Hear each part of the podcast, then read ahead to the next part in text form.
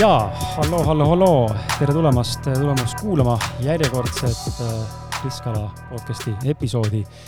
mina olen Kris Kala ja ma tervitan sind äh, meie Ruum stuudiosse, et äh, vahva on olla, oma pesas salvestada lõpuks ometi järgmist saadet. viimane saade oli, ma pean tunnistama sulle, hea kuulaja ja vaataja ja ka sulle, Maarja, kolm kuud tagasi kolm kuud tagasi. et äh, on selline mm, tagasi tõmbunud äh, teekond natukene mm, -hmm. mitte et mul ei ole huvi, aga miski kisub äh, uuele lainele ja uut lainet ei ole veel tulnud, nii et ma ei tea, mis uus laine on, aga tunnen, et midagi hakkab tekkima mm. -hmm. nii et on olnud niisugune taustafoon, on olnud teisi kohti, kus olen salvestanud, aga siit alt tõepoolest oli viimane saade meil ka tegelikult toidu teemal, rääkisime ühe Eesti, ühe taimsete kotlettide tootjaga mm,. nii et äh, täna sinuga jätkame sisuliselt äh, ka terviseteemadel ja, ja mõnes mõttes on see tore, sellepärast et äh, ka kuulaja, kes meid vaatab ja, ja kuulab, see, kes on pikaajalisem kuulaja, see juba mind tunneb, kes on uus tänu sellele, et sina, Maarja, täna siin oled ja oled selle inimese meie juurde toonud, siis minu toitumise taust on ka kirju ja ma olen ütleme, seda teekonda käinud ka väga pikalt mm -hmm. ja, ja tänagi tunnen, et äh, tahan hakata astuma samme rohkem äh, terapeudi suunas. Mm. väga cool. ma veel ei tea, kuidas mm, -hmm. aga, aga mul on tunne, et sinna kisub mm, -hmm. küll aeg näitab ja, ja tõesti, toitumine ei saa üle ega ümber, see on meie kõigi jaoks oluline. ja ma arvan, et on, ma julgen väita, ma ei tea, kuidas sina, Maarja, seda asja näed, aga ma julgen väita, et toitumine on üks olulisemaid, kui siis mitte the most ehk siis kõige tähtsam äh, asi üldse, mis meie eludes äh, või inimese juurde, inimese, inimeseks olemise juures äh, aspektina nii-öelda on mm,? jaa, et ütleme, et noh, neid aspekte tegelikult on päris palju, aga milline nagu tegur või miks see toitumine väga oluline tegur on, just kui me mõtleme tervise mõttes, et toitu, toitumine on üks vähestest teguritest, mida me ise saame mõjutada et nagu võib-olla ümbritsevad seda keskkonda, meie võib-olla sellist äh, nii-öelda kultuuriruumi, kus me oleme, eks ole, äh, me võib-olla nii palju ei saa mõjutada, aga jah, toitumine, liikumine, alkoholi tarbimine, suitsetamine, et need kõik on tegurid, mis on meie kontrolli all ja seetõttu ongi ta väga nagu oluline meie jaoks. ma tahaks äh, tuua selle vestluse nagu ka siia, ma vahepeal pean vaatama alla, ma vaatan õiget kaamerat, et mm -hmm. aga, aga ma tahaks tuua vestlusesse alguseks just selle poole ka, et toitumine on oluline, aga ometi ma võin nagu võib-olla kõlada nagu selles mõttes ähm, natuke toorelt selle koha pealt, mhm. kui ma seda ütlen, aga mulle tundub, et äh, me võtame tervist äh, iseenesestmõistetavalt ja samamoodi tegelikult toitumist ähm, ja meil on kindlasti väga palju ühiskondlikke dogmasid või, või uskumusi tekkinud toitumise ümber ähm,. ja samuti on ka teatud äh, võib-olla siis ütleme, allikad või organisatsioonid teatud toitu rohkem siis presenteerimas või inimesi sinnapoole suunamas. et äh, oskad sa äkki enda sõnadega öelda või kuidas sina nagu näed seda, et miks võiks üks inimene üldse hakata tegelikult toitumise poole vaatama, kui ta ei ole seda varasemalt oma elus teinud?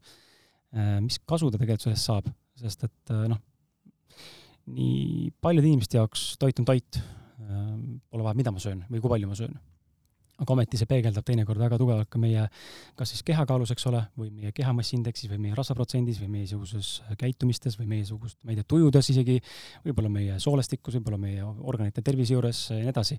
et me näeme tegelikult otsest seost selle, sellele, mida me suhu paneme ja kuidas see tegelikult meid mõjutab pikaajaliselt või ka lühiajaliselt, aga mis võiks olla see esimene, ütleme siin uue aasta puhul, täna on jaanuar meil, jaanuari lõpufaas, et uus aasta on alati täis uusaasta lubadusi, et mm -hmm.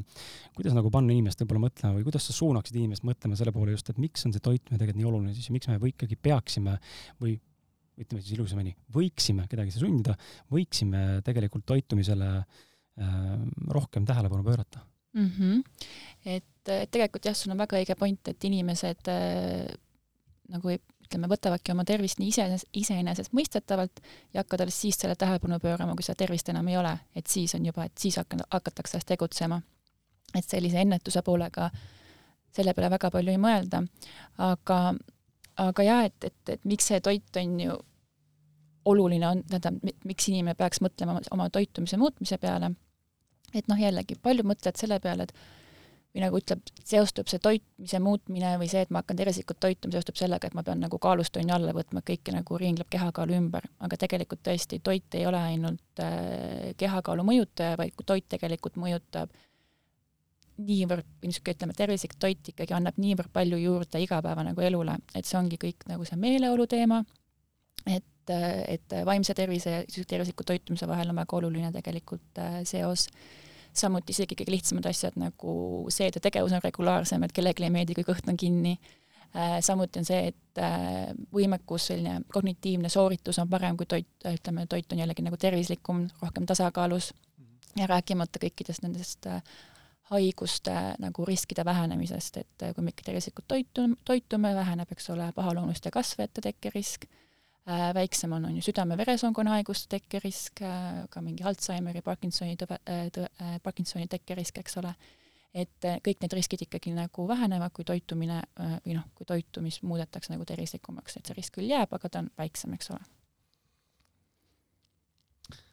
toome kuulajad korraks, enne kui lähme nende toitumise ja ütleme siis ähm, kaalulangetuse või üldse kaalu või keha või üldse kogu selle tervise poole peale nagu natuke rohkem süvitsi, toome sind isiklikult korra siia sellesse võrrandisse. Ja, ja toome võrrandisse just selle poole pealt, et räägi natuke enda lugu, äh, just nagu selle poole pealt, et tihtipeale inimestel on, äh, üks küsimus olen teinud just siia juurde sellepärast ka, et inimestel tihtipeale äh, on, mina olen olnud see erand, et mul ei olnud seda, aga mm -hmm. elukaaslasel oli, aga inimestel on enda isiklik kogemus tavaliselt olnud, mistõttu nad hakanud siis vaatama enda tervisele teistmoodi otsa mm -hmm. ja on, on aru saanud, et nüüd on see koht, kus tuleb hakata midagi muutma või juhtub kolm punkti, eks ole, mis iganes see siis tagajärg seal parasjagu olema juhtuda võiks. et kas ka sinul on selline lugu olnud, et sul on tegelikult olnud tervisega probleeme või sa lihtsalt olnud nii entukas, et et puhtalt entusiasmi ja, ja soovi ja huvi ja tahtmise pealt oled hakanud lihtsalt õppima seda valdkonda või elu on sind sinna suunanud, et natuke räägi seda tausta, kuidas sina üldse jõudsid selle toitumise juurde ja kuidas sai sinust siis kliiniline toitumisterapeut mm? -hmm. et äh, õnneks ma võin öelda, et minul nagu niisuguseid suuri-suuri terviseprobleeme ei ole olnud et mind on alati nagu huvitanud just see, et ähm, kõik niisugune bioloogia ja inimese keha nagu toimimine, ma olen alati seda väga nagu põnevaks pidanud. aga toitumine kui selline, et sellest mina, kui ma olin nagu teismeline või kui ma olin ka kahekümnendate alguses, ma isegi nagu ei mõelnud toitumise peale. et äh, ma hakkasin sellest nagu, või ma avastasin selle enda jaoks alles siis, kui ma tegelikult olin juba Inglismaal, ma õppisin põhimõtteliselt biokeemiat ja ma kuulsin, kuidas toitumisterapeut räägib enda töös, tööst haiglas ja mul tekkis niivõrd nagu äratundmise moment, et ohoo, et see on nagu niivõrd põnev ja ma tahaks ka seda teha. ja see oli reaalselt, ma olin mingi kakskümmend ja alles siis ma hakkasin uurima nagu toitumise kohta. ja mida rohkem ma selle kohta nagu uurisin, et kuidas toitumine tervist mõjutab, siis ma hakkasin ka aru saama, et ahaa, et ega mul on ka vaata, ma olen, olin tegelikult kümme kilo juurde võtnud esimese aastaga ülikoolis äh,, mul ei olnud see tegevus regulaarne, olin sagedasti väga nagu väsinud asju, mida ma pidasin tegelikult normaalseks, aga kui ma hakkan, aga vaat-, aga ma hakkasin nagu järgi mõtlema, ma sain aru, et tegelikult ega mul võiks ka nagu olla paremini või on kohti, kus, eks ole, nagu areneda ähm,. ning jaa, kuna noh, teema paelus äh, ja inimestega tahtsin töötada, siis ma otsustasingi, et lähen ja õpin toitumisteaduseid. ehk siis teed noh, toitumisteraapia toitumisteadused. ja sina alustasid oma teekonda siis äh, mitte Eestist? Jaa, et Inglismaal tegelikult äh, see nimetus on dietitians või noh, dietoloogid, meie seda mõistet ei kasuta, aga Inglismaal on väga tavaline tervishoiusüsteemis on olemas toitumisterapeudid, nii nagu on füsioterapeudid või psühholoogid. et see toitumine ja haigused, et need ikka käivad nagu käsikäes ja seal ongi reaalselt on nelja-aastased kraadid, kus sa kolm aastat õpid, üks aasta teed nagu praktikat haiglas. kas Eestis ei ole siis tervishoiusüsteemis ette nähtud äh, nii-öelda palgal olevaid inimesi kuidagi, kes pakuvadki toitumisteraapiat või, või? ei ole, et äh, asi on paremaks läinud siin viimase viie aastaga, kui mina olen Eestis olnud, aga Eesti, ütleme Eestis praegu kõige suurem miinus on see, et meil tegelikult ei ole nagu akrediteeritud sellist nagu ülikooli kraadi, mis nagu õp- äh,, mis treeniks või nagu õpetaks välja neid toitumisterapeute. et meil on ainult erakoolid, kes neid äh, äh kursuseid annavad, aga seal ka tegelikult äh, noh, ütleme niimoodi, et äh, tervishoius ka sel hetkel ka selles mõttes ei ole neile kohta, et meil ei ole sellist nagu toitumisalast nõustamise teenust, mida Haigekassa kompenseerib. seega enamike haiglate jaoks, näiteks äh, esma- või noh, perearstide keskuste jaoks on ikkagi toitumisnõustaja või toitumisterapeut nagu ülalpeetav äh, spetsialist, kuigi ta säästab tegelikult arsti aega ja õdede aega, sellepärast et tema võtab selle toitumisalase nõustamise enda peale aga ma ütlen, olukord on paremaks läinud, et meil juba üksikud teenused on, mida me saame kodeerida ja seetõttu on ka rohkem haiglatel huvi neid toitumisterapeute endal meeskonda nagu tuua mm. -hmm. mis sa arvad, kui ma selles mõttes natuke torgin mm, seda, ütleme, meditsiinisektorit ka just ja arstide poolt ka, et miks on see, mis sa miks on see niimoodi, et ähm, ühtepidi arstid, perearstid, üldarstid ei tea tegelikult toitumisest nii palju, kui võib-olla teavad toitumisterapeudid, võib-olla isegi toitumisnõustajad teinekord või isegi teinekord on selline mulje, et isegi tavaline inimene, kes on väga haritud, ise harinud ennast, teab rohkem, kui võib-olla teab ka arst, et miks see on niimoodi, kui tegelikult Hippokrates on ju ka kunagi väga hästi öelnud, et olgu toit meie meditsiin ja meditsiin meie mm -hmm. toit, et kus on see nagu, ma ei ütle, et viga, aga kus on see puudus või siis see nihe nagu toimunud siis sellel rajal, et et me nüüd tegeleme inimeste tervisega, aga vot vot see toitumine, seda ärme üldse nagu põhimõtteliselt õpeta või kui õpetame, siis see on kolmkümmend aastat vana tervisepüramiid. jaa, et esiteks on see, noh, üks mõte, mis mul tuleb, tähendab, mis ongi, ongi see, et, et see kogus nagu toitumisalast infot, mis arstid saavad enda õpingute jooksul, ongi reaalselt see, et mis on valk, süsivesirasvad, on ju, võib-olla natuke veel mingit äh, see ainevahetuse teemat nagu juurde, aga ütleme jah, see, et aga neil noh, puudub nagu selline, et, et mis asjad on siis toidusoovitused ja kuidas isegi nagu inimest nõustada, sest tegelikult igasugune toitumisalane sekkumine on tegelikult hariv sekkumine, eks ole. Äh, noh, samuti üks lause, mis mulle tuleb meelde, on ka see, et, et kui me räägime tänapäeva tervishoiusüsteemist, haiglatest, et siis see ei ole nagu healthcare, et see on sick care, et me ikkagi tegeleme inimestega, kes on juba nagu haiged, haiged. Äh, ja seal tõesti on võib-olla see, et, et äh, ütleme, esimese koha on ikkagi võib-olla need nagu siis nagu need kas siis nagu ravimite sekkumine, eks ole, või siis juba mingisugused muud protseduurid ja kuskil seal kolmanda, neljanda, viienda kohal on võib-olla see toitumine, see nagu elustiil mm. -hmm.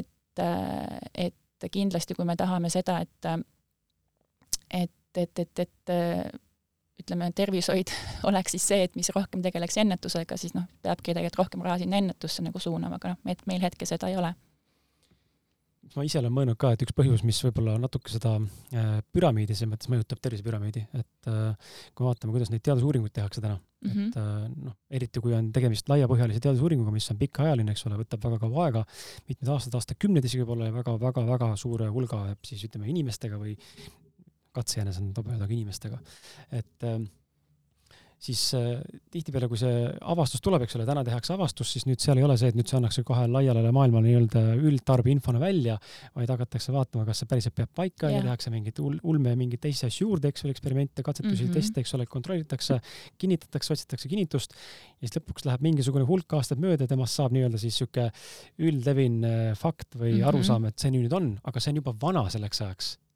ja see on see koht, kus mul tekib küsimus, et aga kuidas siis saab seda protsessi nagu kiirendada, kui me täna õpime siin näiteks, ma toon näite, õpime mikrobiomist, eks ole, nüüd väga jõuliselt viimased paar aastat väga tugevalt ja ilmselt jätkame seda teekonda siin veel, ma arvan, üks kümme aastat kindlasti, võib-olla tuleb midagi uut lõpuks välja, mis ütleb, et näed, aga vot tegelikult nüüd on see number üks mm. -hmm aga, aga see mikrobiom kümne aastaga areneb, eks ole, kogu aeg iga päev midagi õpitakse, aga infot tuleb välja, seda tõenduspõhist tuleb nagu noh, nagu väikse nagu delay või viivitusega mm, -hmm. siis see viivitus, uus info, mis tuleb lauale, on alati vana mingil määral mm. -hmm. mitte küll üleni, aga saad aru, mis ma mõtlen, onju. jaa, ma saan mm. -hmm. kuidas siis nagu, noh, kuidas, kuidas siis peaks või lihtsalt hüpoteetiliselt sinu arvamust nagu kuulda, mitte et sa nüüd tead tõde, aga või kuidas peaks mm, -hmm. kuidas, mis sa arvad, mis, mis võiks aidata selle puhul, et kuidas seda asja kaasajastada rohkem ja et see ole, informatsioon oleks siis relevantsem ja, ja ajakohasem? Jah, et, et aga sa tõid tegelikult väga õige nagu või noh, paar õiget pointi välja selles suhtes, et noh, ongi see, et ütleme, me hakkame mingit asja nagu avastama, siis me hakkame seda rohkem nagu uurima, siis me hakkame võib-olla mingeid seoseid looma, siis me vaatame, et kui me muudame seda tegurit, et kuidas siis see mõjutab seda asja, mis me avastasime, kuidas see mõjutab siis seda nagu mingit seost, eks ole. Aga see, et reaalselt ütleme, mingid teadusuuringud ja mingisugused teadusuuringud tulemused leiavad nagu rakendust, selleks tegelikult ikkagi peab olema see, et ühte asja on nagu esiteks korduvalt on ju tõestatud ja see on tõestatud ka väga suurte gruppide peal mm. -hmm. et ei piisa sellest, et on kolm mingit randomatiseeritud uuringut valimiga kakskümmend inimest, et on ikkagi vaja suuri uuringuid, aga noh, point on selles, mis puudutab eriti toitumist, ega keegi ei taha rahastada ka neid suuri uuringuid, eks ole. Ja, ja pluss toitumise puhul on ka see, et kui me midagi täna muudame, see efekt, mis me võib-olla näeme, on reaalselt nagu ongi viie, kuue, seitsme, kaheksa aasta küsimus. sama asi, neid uuringuid teha, jube kulukas, neid ei tehta väga palju ähm,.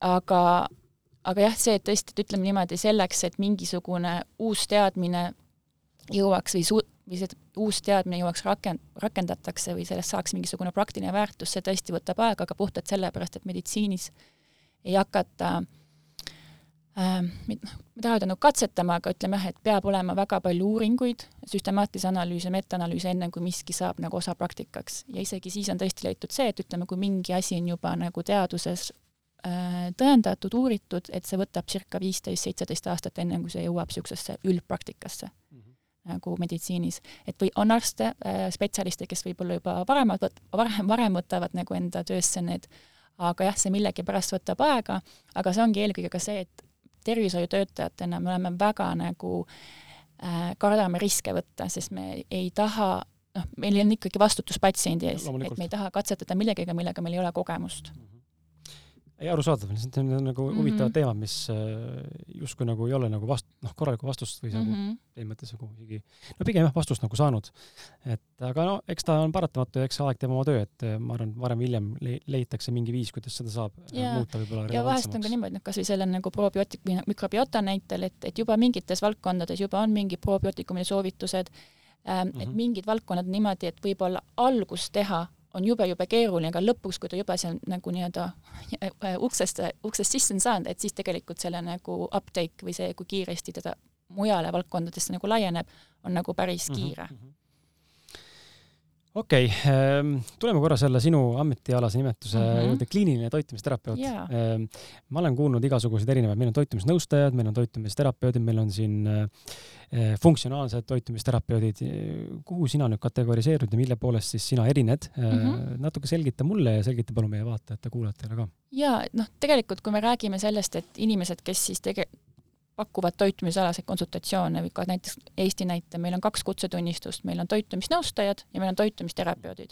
toitumisnõustajad enamasti tegelevad toidusedeli tasakaalustamisega ja nende, ja nemad tegelevad inimestega, kellel puuduvad olulised äh, haigusseisundid, et võib-olla seal on natuke mingi veresuhkur kõrgem või on vererõhk kõrge, aga neil ei ole mingisugust äh, noh, olulist jah, haigusseisundit.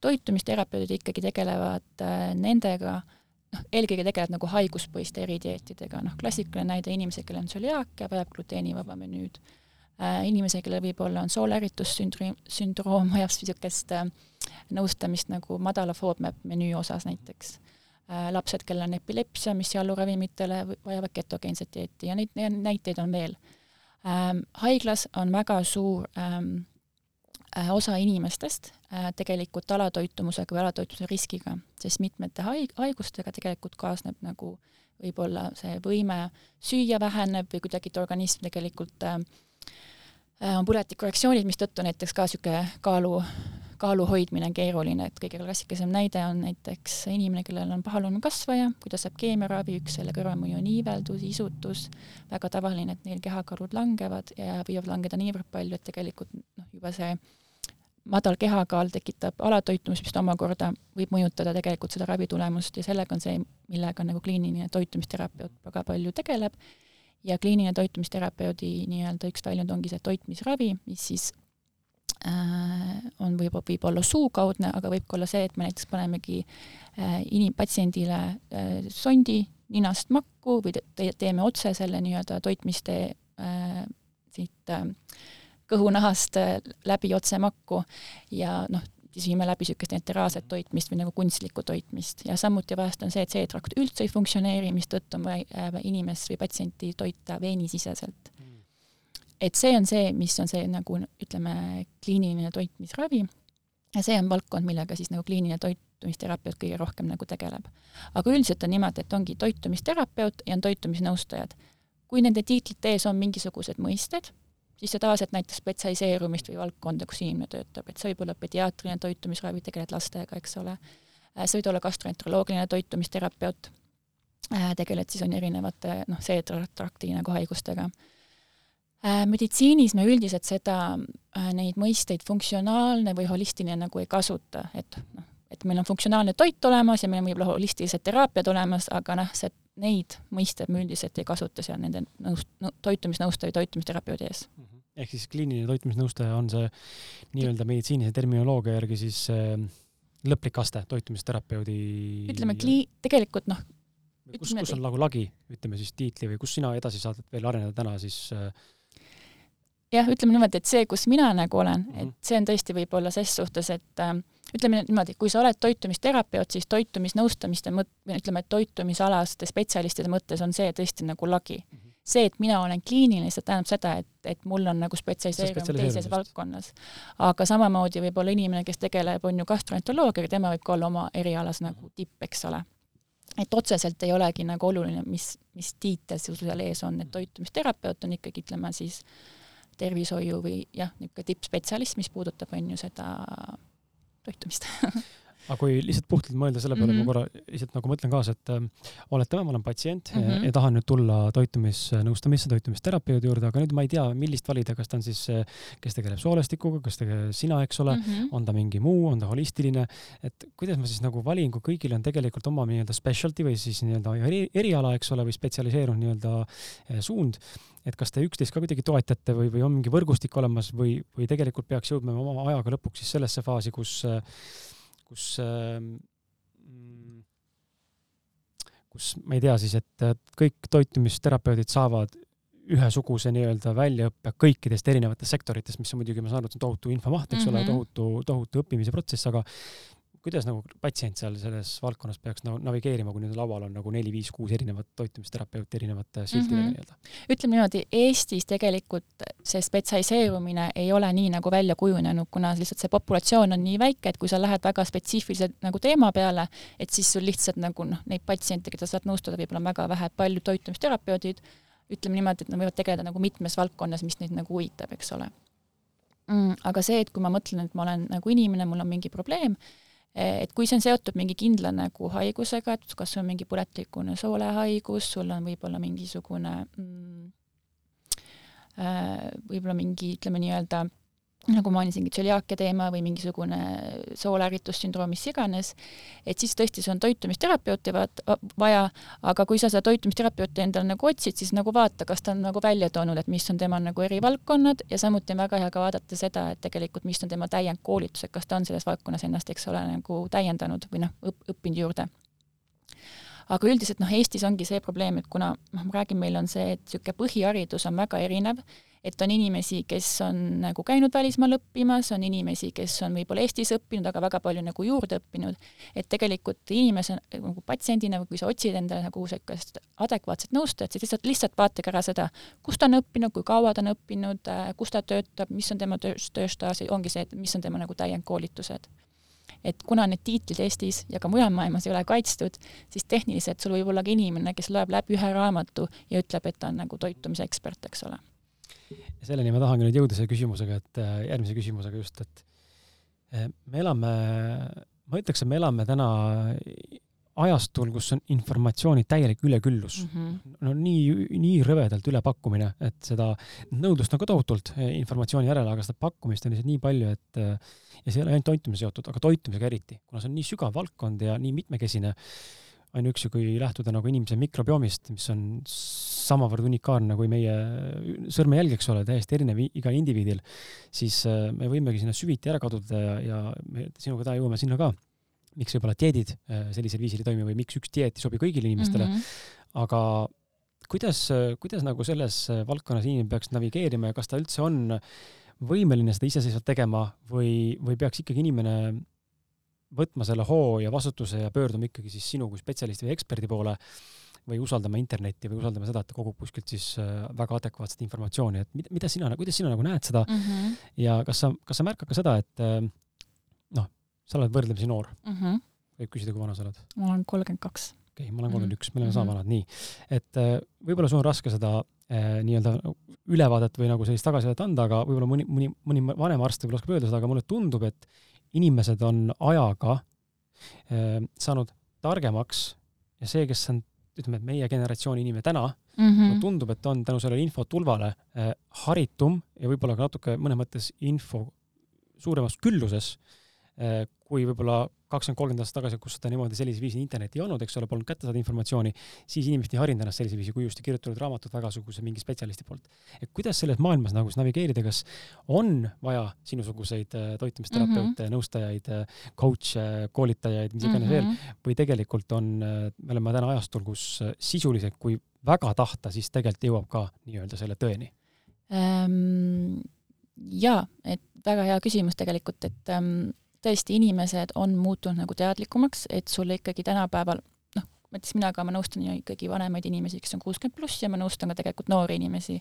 ja ses suhtes seal on küll nagu erinevus, et, et, et võib-olla see vanem inimene peab kui ikkagi tervishoiutöötajate autoriteediks, siis noorem inimene, noorem inimene sagedasti tuleb oma küsimustega ja on lugenud erinevaid asju erinevate teemade kohta ja sina võib-olla ei olegi niivõrd suur autoriteet tema jaoks, aga noh, sa oled tema jaoks nagu niimoodi toetaja rollis, et seletada talle asju. näitab sulle TikTok videot. jah, et on, et on tuldud ka selliste noh, reaalsete noh, ajalehe väljalõigetega, et seal on niimoodi kirjas, mis see tähendab, eks ole. et jaa, et teadlikkus on väga palju nagu tõusnud, mis tegelikult noh, on alati nagu tore näha, aga tõesti, mis puudutab nagu toitumisvaldkonda, siis neid tekste on nii palju ja sagedasti need tekstid isegi ei ole mitte selleks, et inimest harida, vaid selleks, et inimesele midagi müüa, eks ole. Et võib väga ilusasti, väga kenade teadusartiklite viidetega äh, kokku panna hea pika artikli, mis tegelikult lõpuks müüb lihtsalt toidulisandit sulle või D-vitamiini lisandit sulle, eks ole. ja see teeb seda asja väga-väga keeruliseks, et sa ei, ei tea, mis infot on ju nagu usaldada aga absoluutselt äh, paljud inimesed on võimelised ise, äh, kui neil on niisugune kriiti-, kriitiline nagu nii-öelda suhtumine igasugu, igasuguse asja, mis nad loevad, et nad ikkagi on võimelised ise jõudma nende nii-öelda teadmisteni ja ka nagu tegevusteni.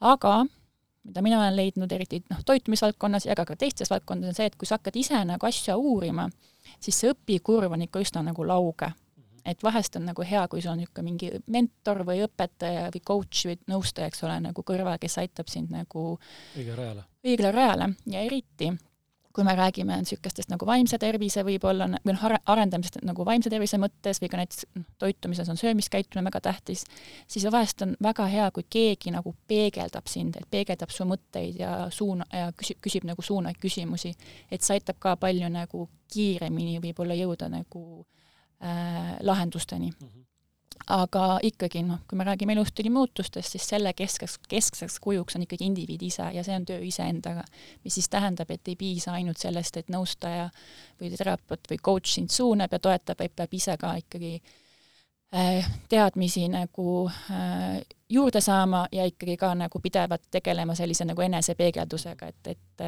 et, et kuidas midagi nagu muuta, mis, mis võib-olla on valesti, eks ole, kuidas edasi see on mõnes mõttes nii loogiline tegelikult, äh, mis sa praegu välja tood, selle, äh, ütleme siis selle vastutuse võtmine mm, -hmm. ikkagi vastutus, et ma näen seda hästi palju, noh, enda puhul mingites teistes valdkondades, aga kui ma inimesega suhtlen, siis toitumise puhul näen seda eriti mm, -hmm. et mhm. äh, me kõik tahame seda quick fix'i, seda mm. -hmm. maagilist tabletti, et tule, anna, neelan ja nüüd on korras mm. -hmm. ilma, et ma peaksin päriselt siis nagu ütlesid ka, elustiili muudatusi sisse viima hakkama, sest et see ei ole ainult toiduga seotud, vaid see on tegelikult ka teinekord muude tegevustega ka. et ähm, aga kuidas sina siis äh,, kuidas sina, ütleme siis terapeudina aitad elustiili muutused sisse viia, et kas sa oled siis tõesti igakuiselt, igapäevaselt äh, kakskümmend neli seitse inimesele piltlikult öeldes olemas, te teete mingeid kohtumisi, käid seda ka poes kaasas mm, -hmm. ma ei tea, teed seda süüa alguse mm -hmm. nädal aega, et kuidas sina nagu seda, äh, seda siis nii-öelda tuge patsiendile pakud mm? -hmm. Noh, kui me räägime näiteks, noh, tegelikult ei, see on nii kaalulangetuse mõttes kui ka tegelikult ütleme, niisuguste mm, haiguspõhiste eriteetide mõttes on tõesti see, et kõige olulisem nagu võimalikult palju tundma õppida enda noh, inimest, kes sul vastas on ja see ei ole ainult mitte see, et palju ta kaalub ja mis ta pikkus on ja mis tal nagu võimalikud haigused on, vaid ongi see, et kuidas tema tavapärane päev välja näeb, äh, mis on üldse need toiduvalikud, äh, äh, mis tal on võimalik nagu teha, mis on tema eelistused, mis talle meeldib, mis ei meeldi, mis on tema toidu valmistamise oskus, mis poed on tal ümber, mida ta üldse on võimalik noh, kätte saada.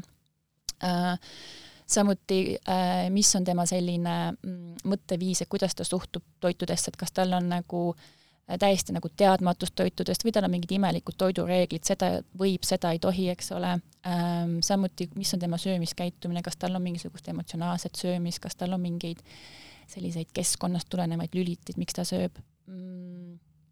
samuti mõelda selle peale, et millest me väga palju räägime, on ka see, et mis on inimese niisugune nagu ütleme, stressitase, kas tal üldse on äh, praegu õiges hetkes hakata nagu muutusi tegema, võimalik, et tal on nagu niivõrd palju stressi tööl, et tegelikult niisugune võib, tal endal võib huvi olla nagu muutuste loomise vastu, aga tegelikult noh, niivõrd palju muid asju võtavad neid nagu esikohtasi.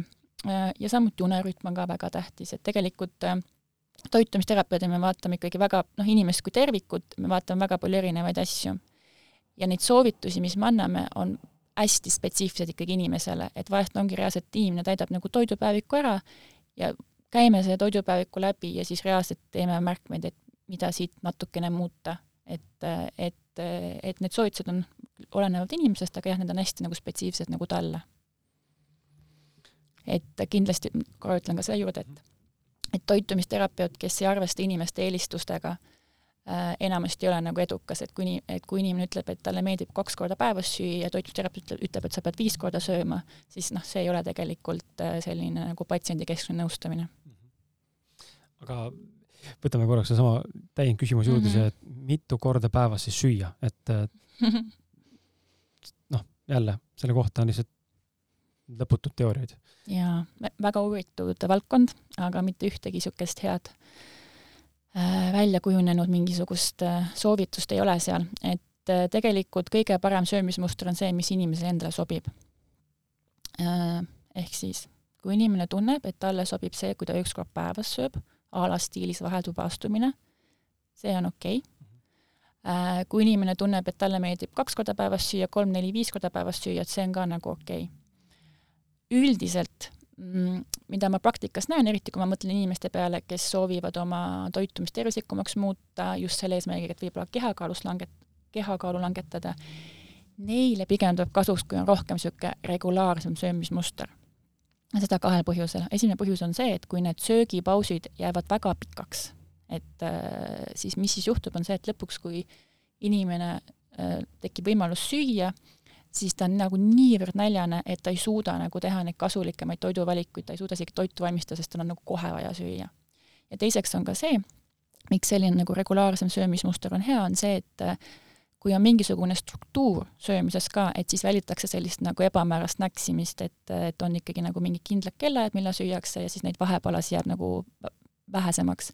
et paljudel on probleemiks see, et nad lihtsalt nagu võtavad siit süüa, sealt süüa, et ei olegi nagu niisuguseid korralikke nagu eineid ja, ja näiteks inimestel, kellel on ka probleemiks see, et nad söövad öö, noh, söövad nagu näiteks pärast õhtusööki väga palju või õhtusöögi ajal palju, siis õhtuti nagu näksivad, nendel on ka pigem hea, kui nad hakkavad nagu äh, rohkem sööma päeva peale, et saavad ka kalorid, eks ole, päeva nagu jooksul, et ei ole seda momenti, et õhtuks on nagu jälle see isu niivõrd nagu suur. aga kui me jälle lihtsalt mõtlen kaasa, kui me võtame mm, -hmm. sa ütlesid, et, äh, et kui inimene sööb äh, sag-, sagedamini mm, -hmm. jälle teatud inimeste puhul mm. -hmm.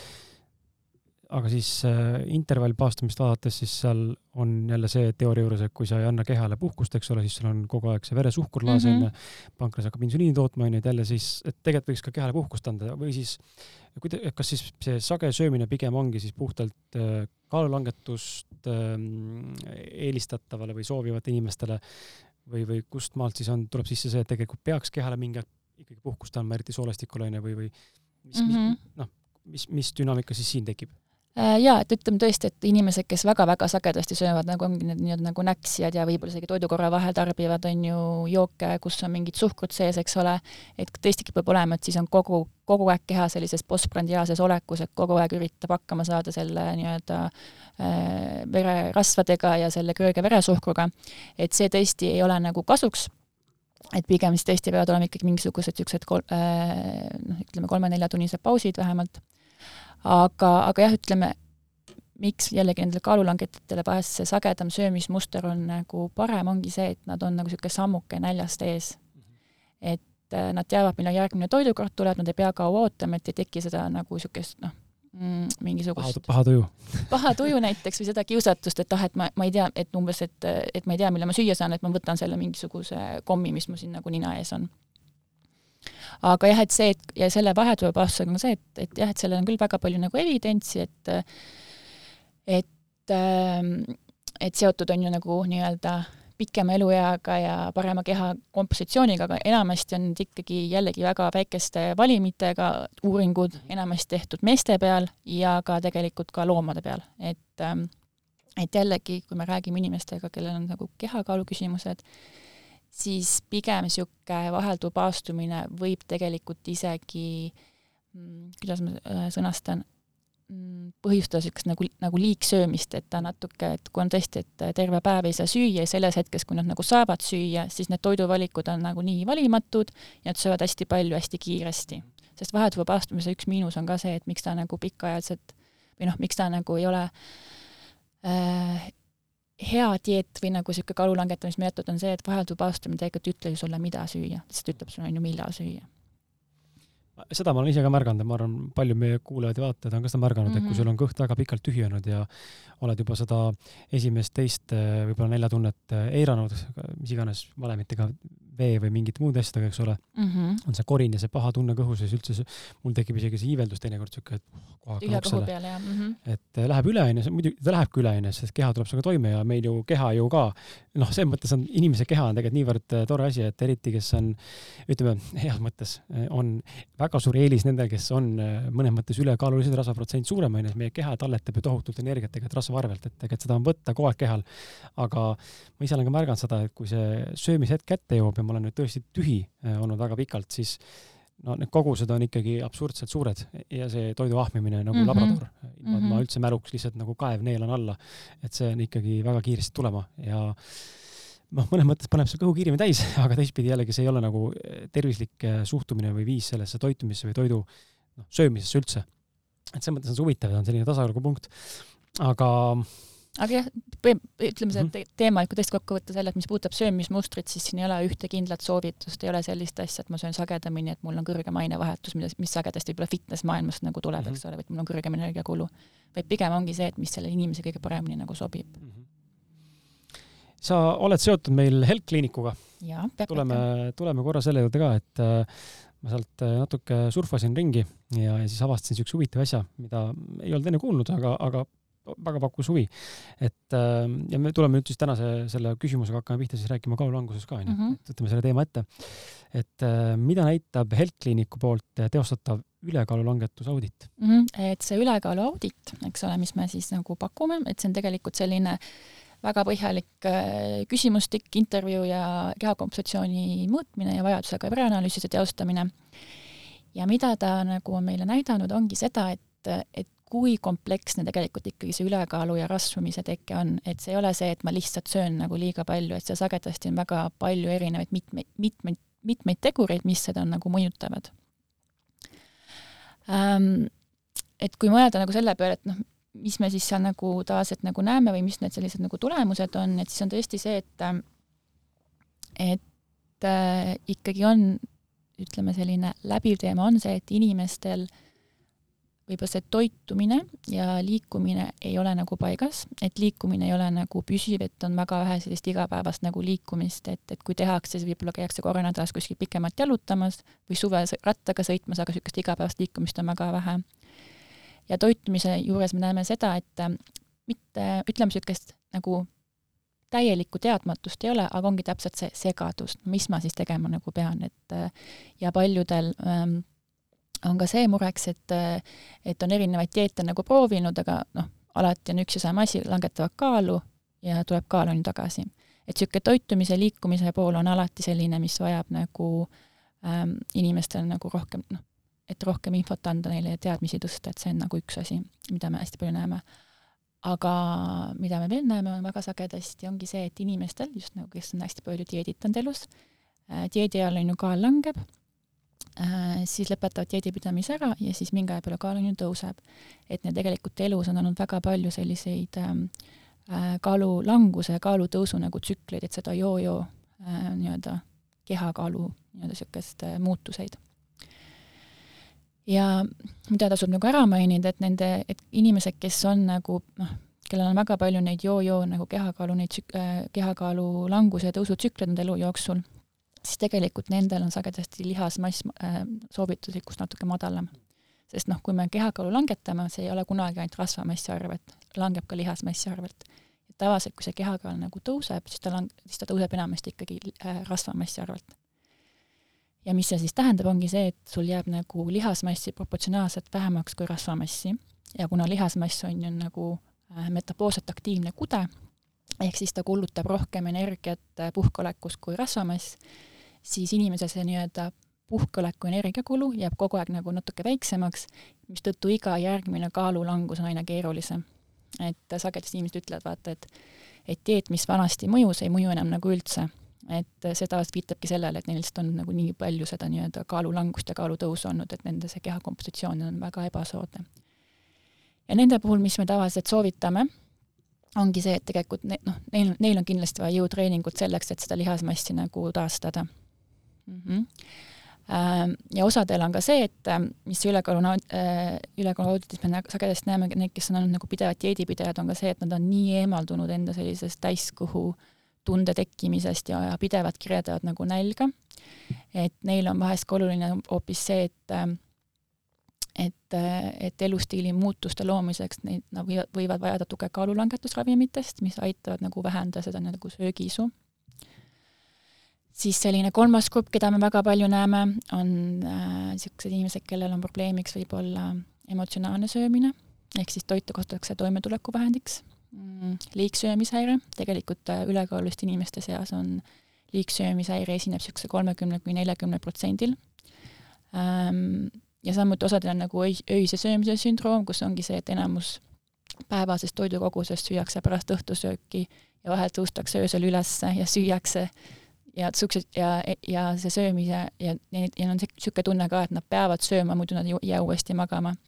selliste inimeste puhul on täitsa see, et üldse enne, kui me saame rääkida kaalu langetamisest, no neil on vaja tegelikult selle nii-öelda ähm, emotsionaalse või selle psühhiaatrilise seisundiga on tegelikult nagu hakkama äh,, hakkama saada et neil, neil on üldse vaja juba psühholoogi toetust.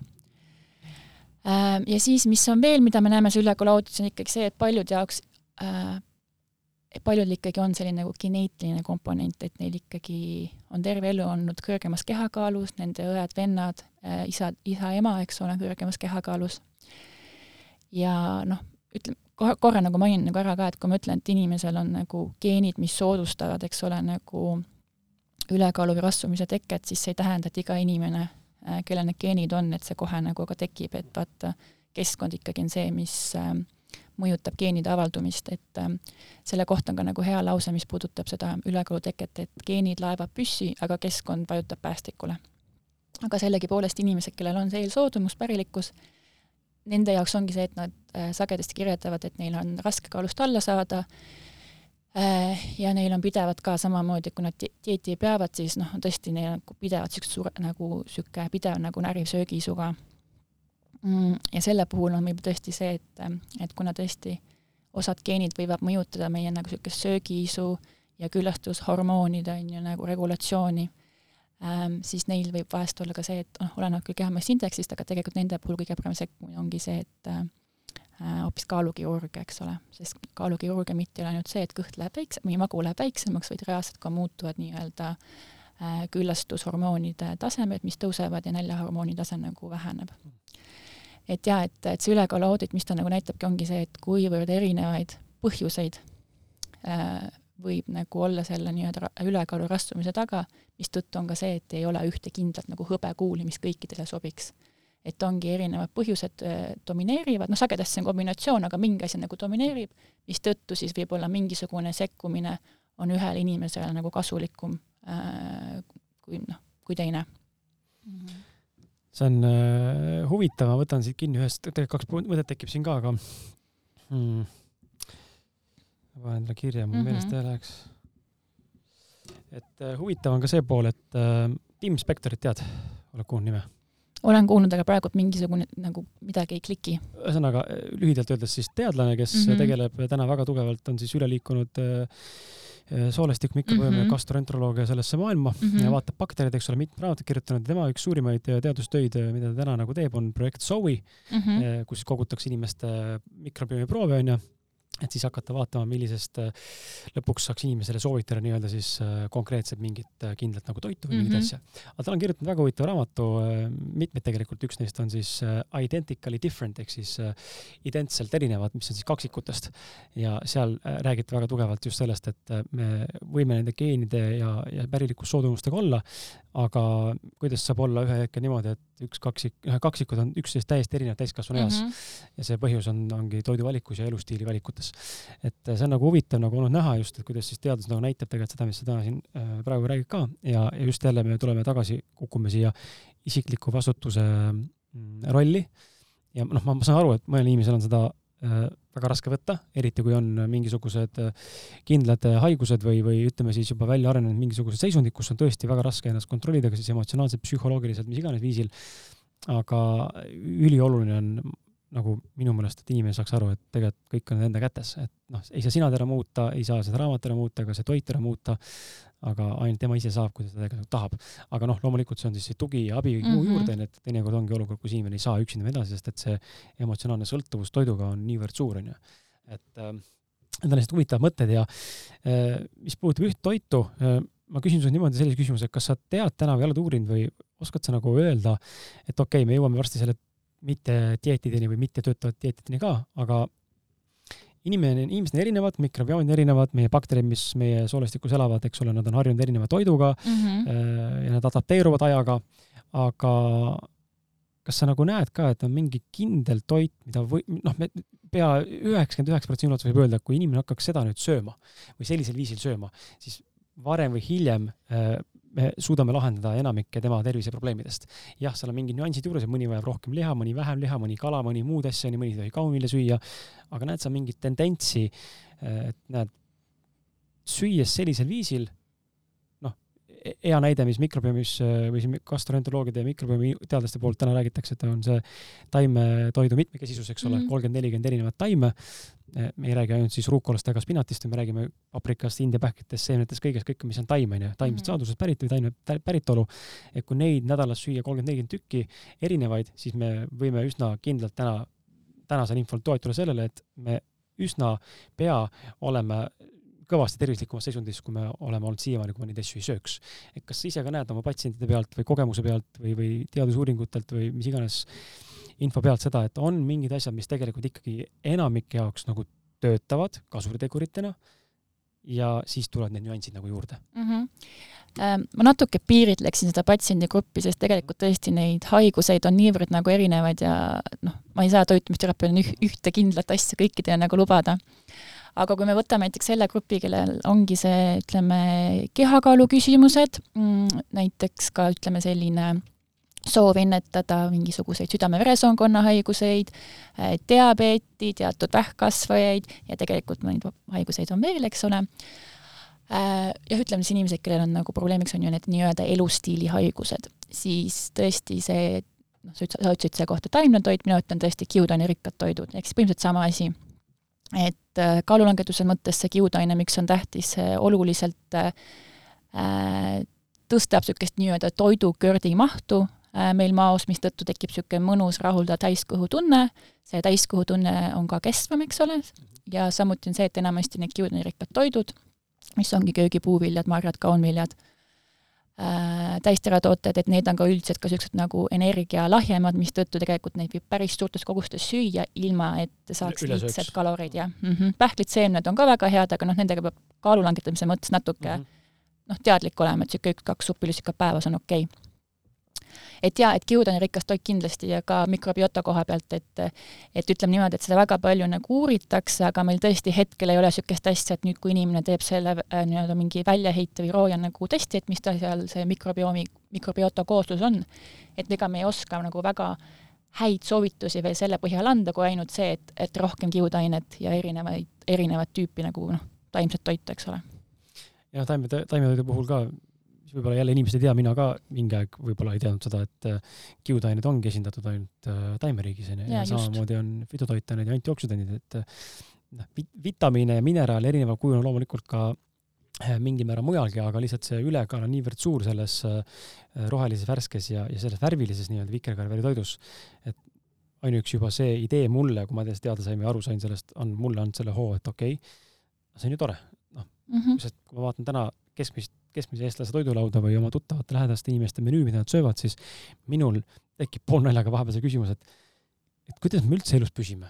noh, sest et see on nii üksluine, mida me sööme, ka ise või ka mul täna on, ütleme, mm, olles taimetoitlane, mul, ka mul kipub olema mõni nädal äh, järjestikuselt selline, ma söön väga üksluiselt nagu samu köögivilju, juurvilju ja puuvilju, eks ole, et ikkagi saaks seda võimalikult erinevust sisse, sest et seda kolmkümmend, nelikümmend erinevat sisse saada nädala jooksul ei ole üldse probleem, et see tuleb päevaga, tuleb üle poole täis, kui väga tegelikult mm -hmm. tahad ja samamoodi kiudained ja mis see päevane soovitud kogus on, see kakskümmend viis kuni kolmkümmend viis grammi vist on minimaalne, jah. minimaalne naise mm, -hmm. noh, mehe erinevuse kohta on mm -hmm. ju minimaalne, see on minimaalne, mida peaks tegelikult saama, on ju, ja tegelikult näit-, täna uuringud näitavad, et Eestis ilmselt, ma ei oska öelda, aga ma tean, et Ameerikas ja Austraalias ja kohtades, kus seda niisugust üle, ülesöömist ja, ja niisugust see sad diet, standard American diet, eks ole mm -hmm., kui seda nii palju on, töötoite ja kõike muud, et seal inimesed ei saa isegi seda kätte. ja ma tegin ühe katse ise siin üks kuskil kuu aega tagasi Äh, näitasin Instagrami konto, mida ma siis päeva jooksul söön, loomulikult ma sõin natukene võib-olla veel rohkem läbimõelduma, kui ma muidu teeksin, et anda inimestele see aim, et tegelikult see on võimalik ja mina sain, ilma et ma oleks kiudaineid üldse jälginud, sain päeva lõpuks kuskil sada kolmkümmend grammi. noh, mis näitab tegelikult, et see ei ole võimatu, ilma et ma oleks nagu üritanud, aga meil on jäänud mulje ja tunne, mulle ainult tundub, et see tervislik toitumine on mingisugune niisugune hookus-pookus, et noh, elu sees ei jõua sinna mm. -hmm tegelikult see ei ole nii raske. jaa, aga noh, see ongi see, et, et osalt on ka nagu sotsiaalmeedia selles süüdi, et, et kui me näeme neid inimesi, keda me justkui peame nagu tervislikumaks, kes tavaliselt on siis nagu nooremad ja kõhnemad, eks ole, ja naeratavad palju, et nad sagedasti võib-olla söövadki niisugust asja nagu mingi avokaadot ja tšiaseemnepudinguid ja veel niisuguseid eksotilisemaid asju, et siis meil alati tekib tunne, et me peame, et selleks, et olla tervislik, peab mingid sellelaadseid nagu toiduained olema nagu menüüs, aga tegelikult tõesti täitsa niisugused kodumaised kapsad, peedid, porgandid Äh, erinevad äh, tatar, eks ole, kaerad, et kõik need tegelikult on ka väga olulised nagu, või need ongi tegelikult tervisliku toitumise alustalad mhm. no neid teisi asju lisada ka loomulikult juurde, onju. absoluutselt. aga see ei ole nagu see main source nii-öelda mm -mm. siis? täpselt nii, et ei pea neid nii-öelda nagu äh, turundusmõiste nagu supertoit, et, et niisugust asja ei pea nagu, nagu taga ajama, et ongi pigem selline igapäevased äh, nagu toiduained. tuleme selle Äh, võtame ühe niisuguse näite, et äh, okei okay,, küsimus ka selle kohta, et inimene mõt-, saab aru, teadvustab endale, vaatab peeglisse ja suudab endale teadvustada ja tunnistada, et okei okay,, olen natukene rohkem ülekaalus, kui mm -hmm. ma mhm. sooviksin või mu keha kompositsioon on ikkagi aastatega muutunud. Nüüd, mis, mis hetkel inimene peaks hakkama nüüd päriselt sellele mõtlema või sinu poole pöörduma või hakkama siis uurima, et kus, kus maalt ma nagu noh, võib-olla seda ei saa must, nii mustvalgelt öelda, see natuke ongi poolnaljaline küsimus, aga just sellest poolest, kuidas aru saada, et vot nüüd on aeg sekkuda. Mm.. sest et, sest mulle tundub, et vaata see akum-, akumuleerumise efekt on väga kiire nagu saabuma ja me võime siin süüa, noh, neid ju uuringuid on tehtud küll ja küll, eks ole, kui inimene sööb ainult siin mingit, äh, ma ei tea, täitsa kiudainevaest toitu või sööb ainult äh, punast liha või sööb ainult äh, toortoitu või sööb ainult mis iganes veel, et me näeme, et kui ta sööb mingeid asju, mis ei toeta tervist piisavalt palju mitmekülgselt, siis ja kui ta noh, oletame, toon näite ka vegantoidu puhul ja taimetoidu puhul, kui sa ei tea, kuidas kompenseerida või, või nii-öelda tasakaalustada oma toitu mingeid äh, makromikrot, on ju, siis võivad tekkida ka probleemid. et sama segatoitlasega, kui sa ei tea, mida sa sööma pead, et kui sa sööd ebatervislikult niimoodi täna ja homme ja siis võib-olla ülejärgmine kuu ja siis see tundub küll, et aga midagi ei olnud mu tervisega, kõik on hästi, elan ju, selles mõttes, et inimese keha on niivõrd äh, adapteeruv mm -hmm. ja mhm. tugev, onju. aga samal ajal taustal toimub see akumuleerumise efekt, mis võib-olla viie-kümne aasta pärast lööb välja mingisuguses haiguses ja siis läheb üks organ, läheb teine organ, läheb kolmas organ, lõpuks oled ise läinud, onju, et kust inimene peab aru saama, kus see piir nagu nüüd jookseb, et okei okay,, nüüd ma peaksin minema abi, abi kutsuma või et ah, ma näen, et ma olen tegelikult äh, natuke siit rasvasem, tead siin on kuu aega aega veel, et jätkan samamoodi, siis lähen mm. -hmm. Kust ma sellega alustan mm.? et mi-, noh, esiteks on see, et vaata, kui inimene nagu juba ise tunneb, et äh, selle liigse kehakaalu tõttu või selle ebatasakaalus nagu, mittetasakaalus nagu toiduainete pärast ta tajub, et tal igapäevaselt on juba nagu raskem või ke-, äh, raskem nagu olla noh, samamoodi, et see tegevus on ebaregulaarne, võib-olla on rohkem nagu väsinud, ei suuda hästi nagu keskenduda äh, või noh, mingi muu asi häirib, eks ole, et see on tegelikult ka juba nagu väga oluline hetk, millal nagu hakata teemaga nagu tegelema, et kui miski asi juba nagu häirib. aga jah, kindlasti, et, et ütleme niimoodi, et kui inimene astub nagu kaalu peale ja, ja kehakaal on nagu kõrge, aga teda see ennast nagu ei häiri, see võib ka isegi nagu okei okay olla, aga ütleme niimoodi, et inimestel, kellel on nagu kõrgemad kehakaalud või kõrgemad kaemid, kui neil on nagu hea tervisekäitumine, et nad ei suitseta, joovad mõõdukalt, liiguvad regulaarselt, tarbivad piisavalt köögi- ja puuvilja, siis tegelikult nende suremus ei ole kõrgem, kui on näiteks normaalkehamassiga indeksil. et kui inimene on selles mõttes nagu rahul oma kõrgema kehakaal, või tähendab, ütleme, teda ei häiri oma kõrgem kehakaal ja ta teab, et ta üritab jälgida tervisliku toitumise või elustiili nagu põhimõtteid, siis ta ei, ei pea ka nagu pöörduma nii-öelda spetsialisti poole või ta ei pea hakka midagi muut-, muutma aga, aga ütleme niimoodi, et veel ühed asjad, mille peale tegelikult inimene võiks nagu mõelda lisaks sellele, et, et on kõrgem kehakaal, on ka see, et et, et ongi see, et mis on ta rasvaprotsent. sest tegelikult ega tervist ei mõjuta see, mis on see kaalunumber, vaid see, et on liigne adipoossus, liigne raskude, eks ole, organismis, mis siis juba noh, tekitab negatiivseid tervisemõjusid. ja ütleme, need rasvaprotsendid, mida inimene peaks nagu silmas pidama, ongi see, et, et naistel on see rasvaprotsent üle kolmekümne ja meestel siis üle nagu kahekümne viie. et see on juba selline nagu rasvaprotsent, mis tegelikult äh, vajaks nagu noh, noh sekkumist. samuti on nagu väga täht-, väga tähtis see, et kus see rasv paikneb. kindlasti enamikud on kuulnud pirni tüüpi rasv, nagu niisugune rasva paiknemine ja õuna tüüpi rasva paiknemine. ja just see keskkoharasv on see, millel samamoodi omab nagu negatiivseid tervisemõjusid, see rasv, mis paikneb siin kõhupiirkonnas, siseorganite vahel, eks ole, ja ka tegelikult seraalrasv siis? jah, täpselt. kuidas see tekib? kuidas see tekib või äh,? ongi see, et osadel inimestel, eriti meestel ja naised, kellel on nagu menopaus nii-öelda äh,, nagu mööd- äh,, nii-öelda menopausis äh, läbinud, et neil kipub olema see, et neil lihtsalt see rasv nagu äh, ladestub ikkagi rohkem nagu nii-öelda siia nagu kõhupiirkonda ja naistel rohkem nagu tavaliselt vaata puusadele ja reitele, eks ole mis seal täpselt nagu seda nii-öelda protsessi nagu soodustab, seda ma isegi ei suuda niimoodi peast praegult nagu meenutada. et ju seal mingisugused erinevad kombinatsioonid jälle nagu on mm. -hmm aga, aga jah, et ütleme tõesti, et nagu inimesel võib ka olla see, et näiteks ta kehamassindeks ei ole väga kõrge, võib-olla ta kuulub sinna ülekaalu, kuskil kakskümmend kuus, kakskümmend seitse, aga tegelikult ta vöö ümbermuut on suur, eks ole, et naistel on see üle kaheksakümne, mis juba tõstab südame-veresoonkonna haiguste riski, ja meestel on siis see üle mm,, oota ma korra vaatan seda numbrit, et ma midagi sassi ei jää äh,. minu meelest meestel oli see number üheksakümmend kaheksa või midagi sinnakanti äh,. nüüd ma ei leia oma märkmetest seda nagu ülesse. ah, siin on, kohe ütlen, vabandust, et peate minu järgi niimoodi ootama. ikka ei ole. ah, meie, meestel üheksakümmend neli ja naistel kaheksakümmend mm. -hmm ja pluss on see, kui sa oled ka arsti juures käinud ja reaalselt ütleb sulle, et kuule, sul on kõrge vererõhk või su tühja äh,, tühja kõhuveresuhkur on kõrge või on mingisugune kolesterool kõrgem, nagu LDL kolesterool või triiglütseriidid kõrgemad, et noh, see on ka juba viide sellele, et midagi on organismis nagu, eks ole äh,, ei ole okei. Okay..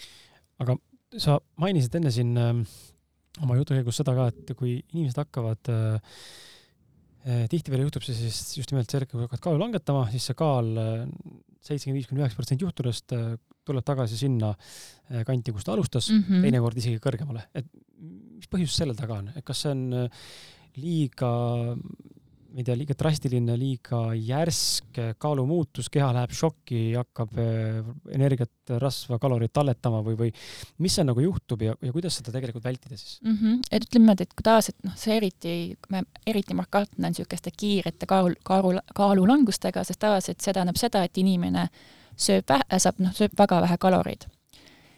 mis puudutab meie keha, meie kehale meeldib tasakaal, homoöst-, ta tahab alati niisugust homöostaasi vaata nagu säilitada, et veresuhkur kindlas vahemikus, kehatemperatuur kindlas vahemikus ja isegi, kui me oleme, meil on liigne kehakaal ja me oleme väga kõrges kehakaalus, meie keha tahab ikka seda säilitada, isegi kui ta teab, et see ei ole talle võib-olla kasulik või noh, keha võib-olla otseselt niimoodi ei tea, aga ta ikkagi tahab seda säilitada. ja niipea, kui hakatakse saama või sööma tavapärasest vähem kaloreid äh,, siis mis juhtub äh,, nagu reaalselt meie keha hakkab selle vastu töötama, et hakkavad toimuma niisugused nagu noh, tekivad niisugused kompensatoorsed mehhanismid. et on näidatud ka, et isegi juba kahekümne nelja tunni pärast, et kui inimene äh, on kaloreid piiranud kakskümmend neli tundi, juba pärast seda on tegelikult äh, küllastushormoonide tase madalam ja näljahormooni tase nagu kõrgem. ja samuti on ka see, selle kehakaalu sellise langetamise ajal tegelikult toimub ka niisugune metapoolne adaptsioon mis siis on nagu noh, seal on nagu erinevad põhjused, üks põhjus ongi see, et äh, et kui meil on väiksem kehakaal, siis me kulutame ka nagu vähem kaloreid, et suuremad kehad äh, kulutavad rohkem kaloreid juba oma nagu liigutamiseks. ja väiksem keha siis nagu noh, kulutab vähem kaloreid. aga samuti on see, kui see kehakaal langeb, mainisin ka ennem, et see ei lange ainult rasvamassi arvelt, vaid ka lihasmassi arvelt. kui meil on vähes, vähem lihasmassi, siis ka meie põhi, niisugune puhkuoleku energiakulu, eks ole, madalam. Äh, samuti on ka see, et et lisaks sellele, mis puudutab seda metaboolset adaptatsiooni, on ka see, et ähm, et väheneb ka selline mitteteadlik liigutamine. et meil on, on ju see füüsiline äh, nagu aktiivsus, kas me otsustame kuskile kõndida, trenni minna, aga meil on ka niisugune mitteteadlik äh, äh, nagu ütleme, liikumine, ehk siis see, et kui me näiteks seletame kätega, võib-olla äh, mingi jalg on ju, liigub meil siin laual ja nii, ja nii edasi, et see kipub ka vähesemaks jääma, kui inimene nagu väga palju piirab nagu kaloreid ehk siis jah, et kaks asja ongi see, et või noh, kaks olulisemat asja, et keha hakkab tootma rohkem näljahormooni, äh, vähem külastushormooni, paljud dieedipidajad kirjeldavad alati seda, et äh, pärast dieedipidamist nad tunnevad, et neil kõht ei saa täis, aga samas kogu aeg on niisugune mingisugune pidev nälg, eks ole. ja pluss on see met-, metaboolne adaptatsioon. see adaptatsiooni teema on ka huvitav, et ähm, üks on siis metaboolne, on ju, mhm. aga kas kalorite hulk ehk siis meie baasainevahetuse vajadus e, ja ütleme siis kehakaal ka, kas need on ka adapteeruvad, just selles mõttes ma toon nagu näite, et kui mulle just meeldis, kuidas, ma ei tea, kas sa oled kuulnud doktor Joel Furmanist ehm, ka.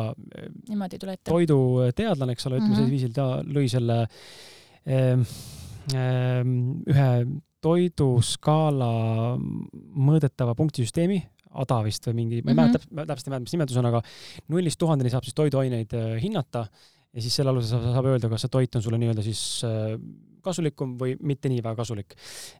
Ja ta tõi ühe näite enda nagu ühes loengus, äh, ilmselt ta selle katse ise tegi, et see päris nagu teaduskatse veel ei ole, aga tegi selle katse, et inimestele kutsuti siis ruumi seal oli grupp inimesi, ma ei mäleta, mis iganes arv, ütleme sada inimest, eks ole, jagati pooleks. Eh, pooltele anti ukse peale õun, teistele mm -hmm. anti kaks supilisikatäit õli mm. -hmm. ja siis mindi, pidid ära selle sööma mm. -hmm. terve õun, umbes sada viiskümmend kalorit onju, kaks supilisikatäit õli on peaaegu sama palju, kui on noh, peaaegu topeltkogus õunast kalorite mõttes. ühes on väga palju erinevaid häid asju, õli lihtsalt on kontsentreeritud kujul ekstraheeritud mm -hmm. kalor. nüüd nad sõid ära selle ja siis läksid ruumist sisse, see Rootsi laud mm. -hmm ja siis äh, need, kes said õuna, äh, võtsid siis toitu natukene vähem, äh, kui nad võib-olla tavaliselt sööks, kuna neil oli magu juba tegelikult saanud signaali, ajusignaal, hormoonid olid saanud juba signaali, eks ole, et ahah, mis see hormoon on seal, ma ei mäleta enam, mis seda annab ajusse seda signaali, et kõht on täis, ühesõnaga, et sai signaali, et kõht on täis, ma sõin nüüd vähem ja, ja tegelikult oli okei okay. ja need, kes siis sõid õli, siis nemad läksid ja kuhjasid kas siis sama palju või isegi mm -hmm. veidi rohkem toitu. ja siis ta selle pealt nägi seda, kuidas tegelikult siis see toit mis on oma, oma toidu olemuselt siis kas volüümi või siis eesti keeles on siis mahu mõttes mm -hmm. vaene, toitaine vaene ja teine on toitaine rikas, kuidas see mõjub meie, meie tervisele, meie kehakaalule, meie ajule ja nii edasi, et meil tekib ülesöömine või ei teki ülesöömine.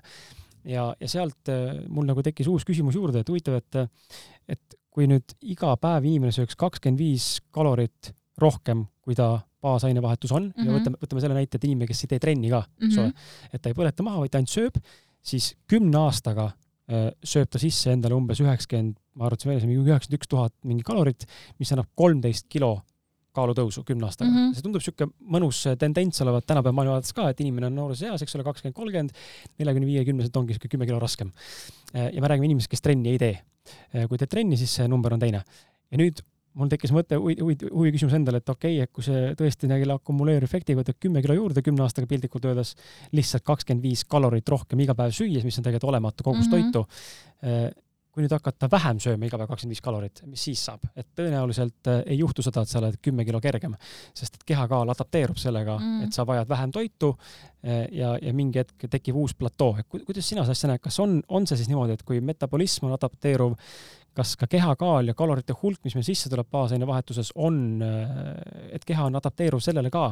Ja, ja see on mingil määral isegi võib-olla siis nagu üks meetod, kuidas siis enda, ma ei teagi, seda, seda ihade isu või kalorite soovi või tungi äh, kogust nii-öelda siis natuke nagu tasakaalustada või allapoole kerida.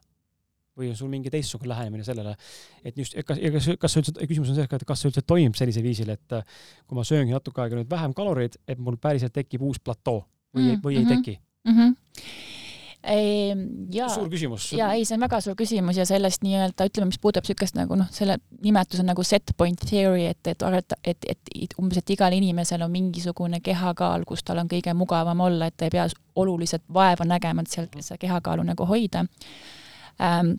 aga samas on ka see, et, et ta suhteliselt sellest kehakaalust enam nagu allapoole nagu ei saa. et on mingisugune kindel niisugune nagu kehakaalu vahemik, mis on tema selline nagu noh, madalam punkt, aga samas on ka vastupidi, et on ka, ütleme, sama on ka selle nii-öelda noh, tähendab teooria on, et on ka nagu kõrgem punkt, et millest enam nagu üle ei lähe ähm,. Sest tegelikult on ka see, et ma korra mainin ka, et, et noh, tegelikult me kõik elame sellises nagu külluslikus on ju nagu keskkonnas, aga ainult tegelikult noh, ütleme viiskümmend protsenti täiskasvanud populatsioonist on ülekaalus ja rasvunud, eks ole.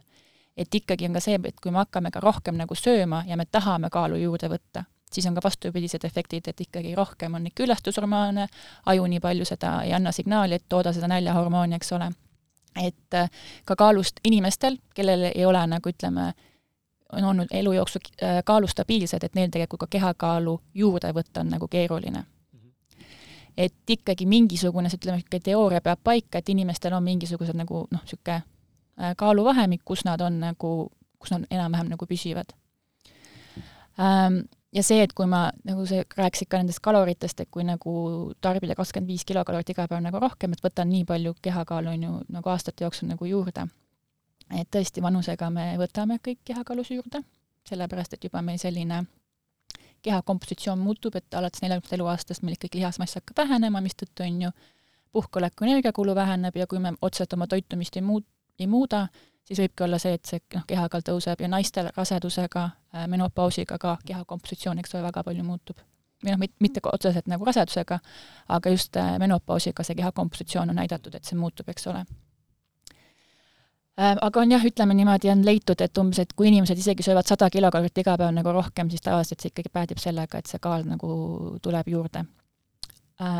Ja kui me tahame seda kehakaalu nagu langetada, ja selleks, et ennetada seda nii-öelda adapteerumist, siis tõesti see aeglasem kaalulangus on natuke nagu parem, et ei ole neid drastilisi muutusi kehakaalulanguses. et pigem on see, et hea on nagu süüa kakssada viiskümmend või kakssada kilokalorit iga päev nagu vähem, mitte mingi viissada või kuussada. ja lisaks on ka see, et ikkagi väga oluline on see kehakompositsioon, et ikkagi liikumine äh, ja ka jõutreening, et ikkagi seda nagu lihasmassi äh, noh, siis luua või hoida vähemalt, eks ole. et see aitab ka seda nii-öelda, seda adapteerumist nagu vähendada. aga kui me toome korra lihtsalt huvi pärast võrdluseks nagu noh, võtame küsimuse, küsimus on tegelikult see, et äh, millised on parimad efektiivsed ja pikaajalist ning jätkusuutlikku tulemust toovad lahendused kaalu langetamiseks ja ma täiendan seda küsimust ka selle poole pealt, et kui võtta nüüd kaks eraldi sihtgruppi või patsienti, üks on ütleme noh, ütleme kahekümnendates eluaastates tahab võtta kaalus alla mm, -hmm. kelle ainevahetus on kiirem, eks ole, keha tuleb võib-olla paremini mingisuguste muudatuste asjadega toime. ja nüüd siis äh, vanem generatsioon näiteks ütleme, noh, ütleme viiekümnendas pluss seal kuuekümne vahel, siis mis on nende kahe peamised erinevused kaalu langetamisel, mida sa soovitad, mis töötab ja, ja, ja siis ka siia juurde, millised on siis need, millist, millist, mis lahendust sina nagu siis kes meid täna kuulab, mõtleb, et no nüüd ma hakkan Maarja jutu peale kohe tegema, siis mm -hmm. mis on see üks, kaks, kolm, mis sa oskad kohe inimesele öelda? noh, tegelikult siin jälle oleneb, ütleme niimoodi, kui sa oled selline, lihtsalt sul on nagu noh, ülekaaluvahemikku, sa oled niisugune kakskümmend viis kuni kolmkümmend, KMI, ma mõtlen ähm,, siis tegelikult pole vahet, kas sa oled, mis vanuses sa oled, ikkagi seesama põhimõte, et see tasakaalustatud toitumine, et rohkem kiudainerikkaid toite ja tegelikult ka valgu pakkumine on tähtis, et samamoodi, et seda kehakompositsiooni hoida. ja mõlemas vanusegrupis ja võib-olla isegi tegelikult eakamatel on tähtsam see, et just see jõutreening on juures, et seda kehakompositsiooni parandada. sest üks asi ongi see, et ma langetan kaalu, aga mis on veel tähtsam, on see, et seda madalam kehakaal nagu püsiks ja siin juhul, ja siin aitavadki need, et kui on niisugused püsivad elus, nagu püsivad muutused toitumises ja liikumine on nagu regulaarne, et see aitab pikaajaliselt seda kehakaalu ikkagi nagu hoida madalamana. kui on juba kõrgemad KMI-d, ja näiteks ka, et kas see kahekümneaastane on nagu terve elu olnud, on ju kõrges kehamassiindeksis äh,, kõrgema kehamassiga, kas see, ütleme, see kaal tuli talle mingi aja jooksul alles juurde, et see, sellest ka oleneb see, et mis see sobilik sekkumine on. ja sama on selle eaka inimesega, et mis aja jooksul tal see kehakaal on nagu tõusnud ja kui kaua ta sellega nagu maadelnud on.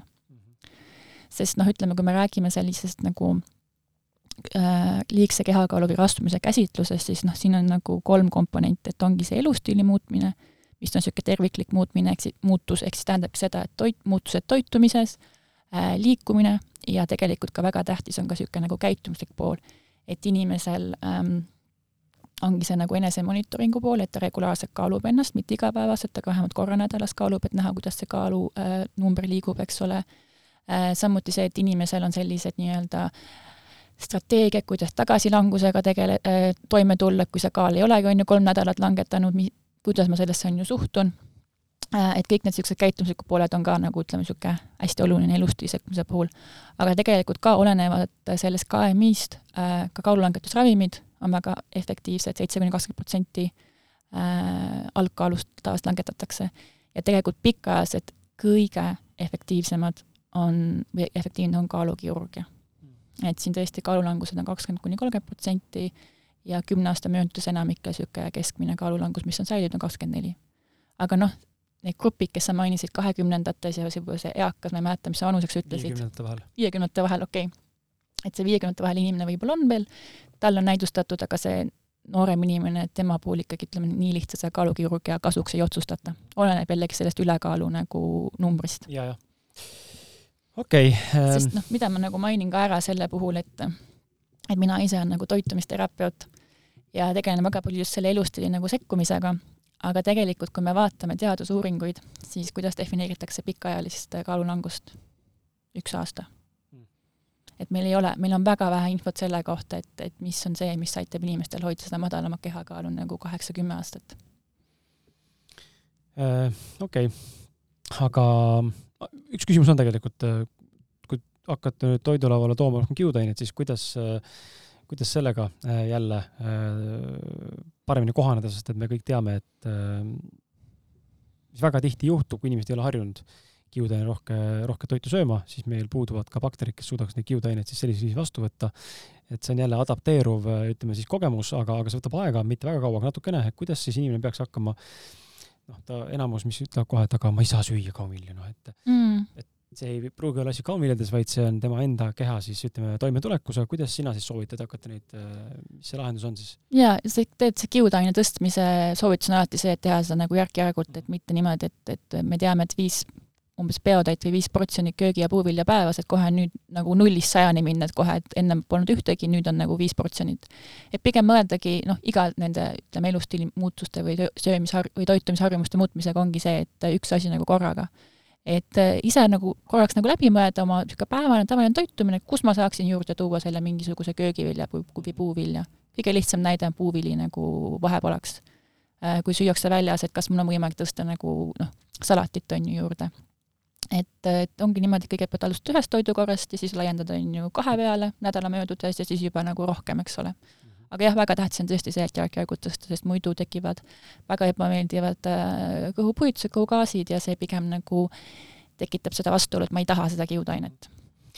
Äh, mulle see, see implementeerimine või selle integratsioon siis samm-sammult äh, väga meeldib, et ma ise olen äh, teinud selles mõttes hästi, hästi palju sellist nagu mängulist lähenemist, et kui ma teen mingit mar marjasmuutit endale mm, -hmm. siis alati on võimalik panna sinna must jube sisse mm.. noh, see ei tunne maitset, sest marjad peidavad seda ära, aga mm, -hmm. aga ma saan valku, ma saan kiudaineid ja kaunvilju, mis on väga olulised, või ma ei tea, teen mingit inimene teeb mis iganes rooga sa parasjagu endale teed sooja toitu, siis mingit kastet või asja, siis alati saab sinna riivida porgandit või riivida tsukiinit, onju, et noh mm -hmm., jälle peita, onju, et nii nagu lastele peetakse toidu sisse asju, et ta sööks, siis saab ka tegelikult täiskasvanud ise inimene ise mõelda, mida ma saan sinna lisada mm. -hmm. Ja need on väga head näited ja need on ka niisugused näited, et, et keegi ei keela sul ära no, mitte tegemas mingit kastet või suppi või mm -hmm. hautsi, mis sulle meeldib, aga lihtsalt mõtle, et kas ma saan sinna kuidagi mingit kaunvilja panna juurde või noh, need näited, mis sa tõid, riivida porgandit, sukiinit sisse, et see on tõesti nagu noh, ongi kõige õigem lähenemine. tuleme selle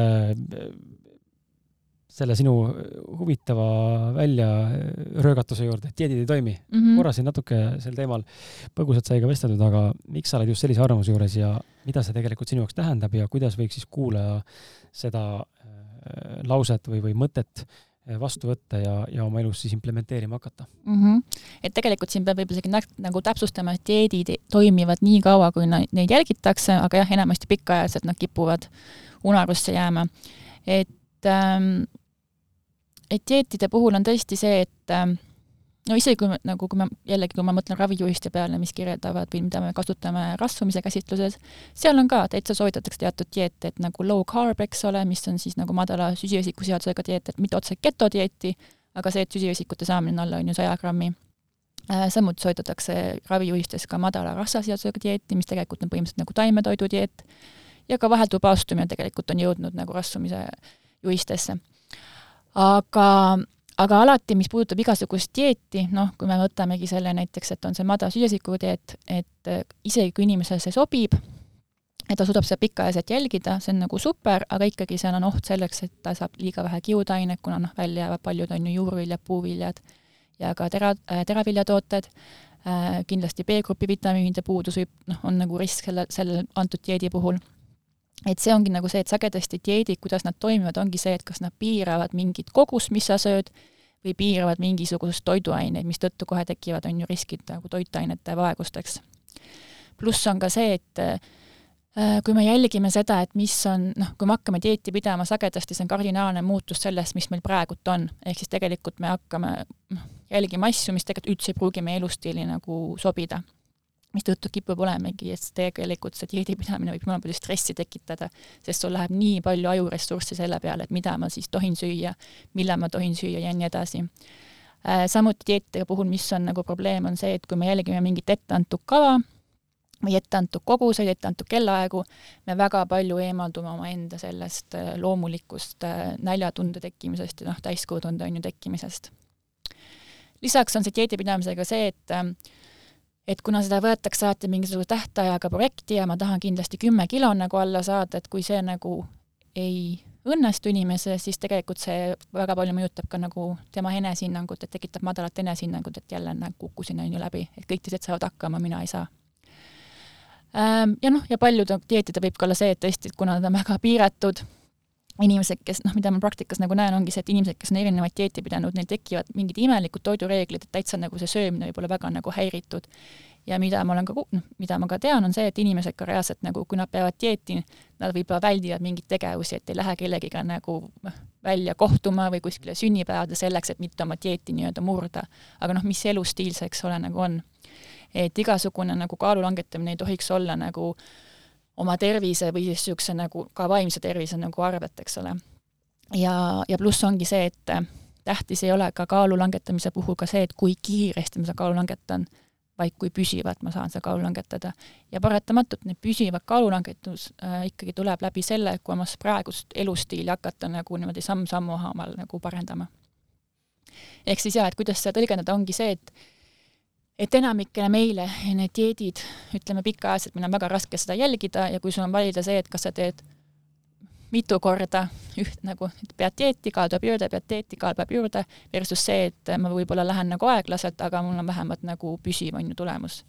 et noh, need on need kaks nii-öelda valikut, mis inimesel nagu on, aga sagedasti, kuna inimene loomus on kärsitu, me tahame kohe tulemusi, me valime dieedi kui nüüd dieedi poolt äh, vaadata, ütleme, ütleme, kui inimene saab sinu juures ähm, või sinu abiga toitumise äh, paika, ta leiab mm -hmm. mingid juhised, ta saab mingid juhtnöörid, ta hakkab nüüd seda tegema.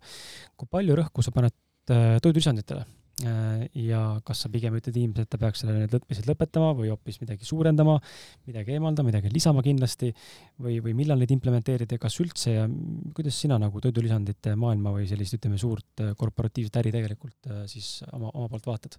kui me räägime jah, kaalu langetamisest, siis no üldiselt neid toidulisandeid mina nagu või mingeid drooge või mingeid jürte või mingeid teesi, mis justkui võiksid nagu noh, noh, kas või näiteks kas või mingit metabolismi kiirendada, nagu see sage niisugune müügilause on, et mina üldiselt neid üldse ei soovita äh,, sellepärast et esiteks on nagu, ongi kaks asja.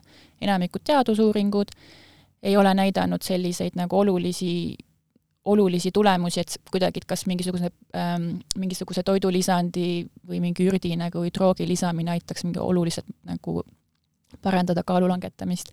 ja teiseks on see, see turg on nii reguleerimata, et sa tegelikult ei tea, mis toodet sa nagu saad ja kui palju see tegelikult midagi nagu sisaldab.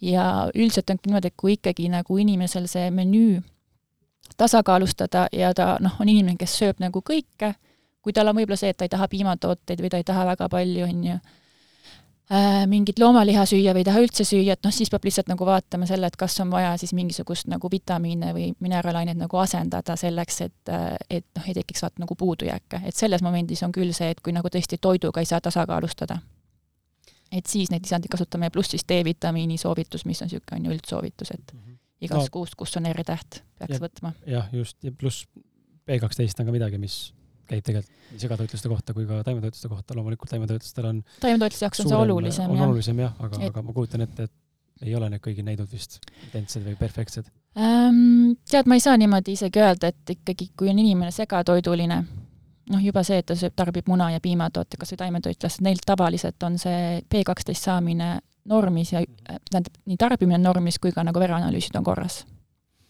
aga kui me räägime nendest tavalistest toidulisanditest mingisugused noh, ütleme vitamiinid siis, mitte toidulisandid mm, -hmm. vitamiinid, et kui palju sa neid noh, et kas inimene, sest mõned inimesed on meil täna ju on selliseid inimesi, kes on väga toidulisandite fanatid mm, -hmm. vitamiinide fanatid, tal on seal kümneid purke, mis ta iga päev neelab, et kas sa oled pigem seda meelt, et äh, toidust on võimalik kõik kätte saada, äh, kui see on läbimõeldud, jah, võib-olla mõne erandiga, eks ole, B kaksteist on midagi, mis peaks lauale tooma, kui sa liha võib-olla tõesti ei söö, aga või sa pigem oled seda meelt, et tegelikult toidust ei saa ikkagi kõike kätte ja toit on siin mõnes mõttes äh, degenereerunud siin aastate ja, ja ma ei tea, aastakümnetega, eks ole, et mul lasti ei saa kõike enam kätte ja nii edasi, nii edasi, nii edasi, nii edasi.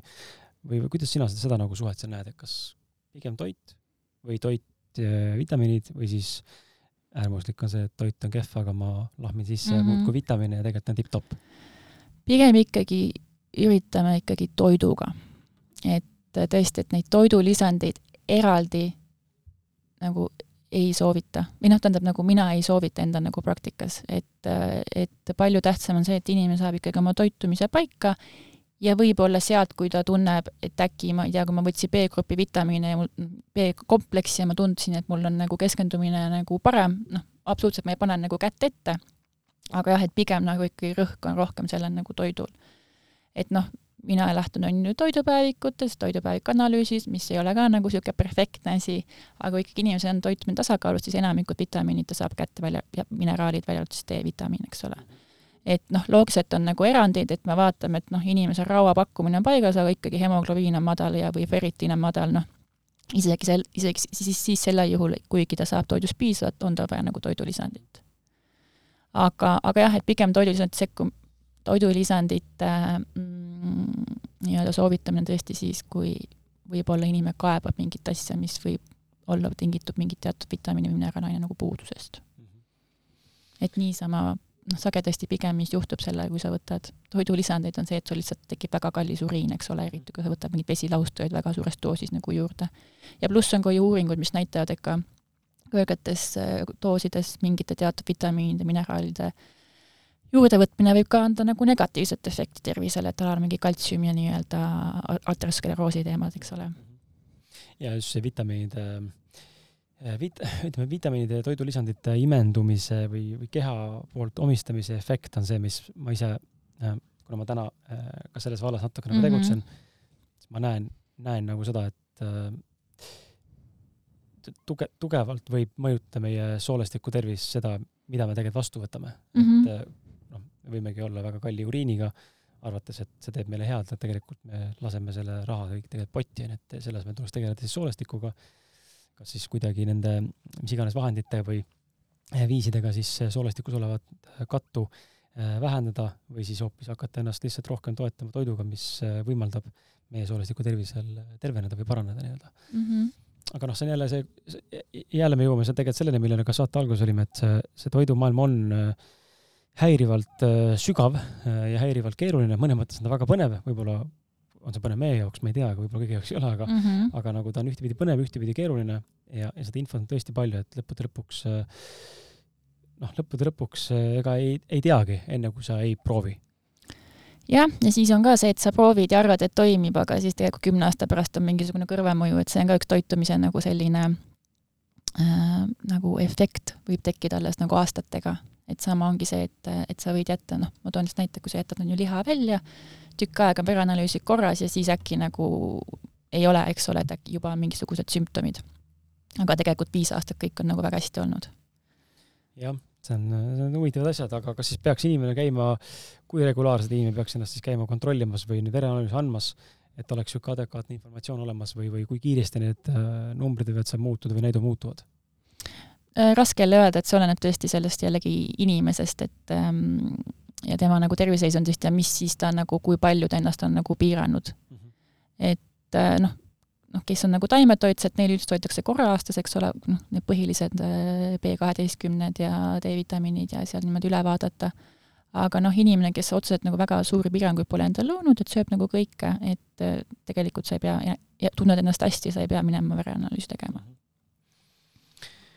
Okei okay., kas on midagi, äh, mis sa tahaksid lisada?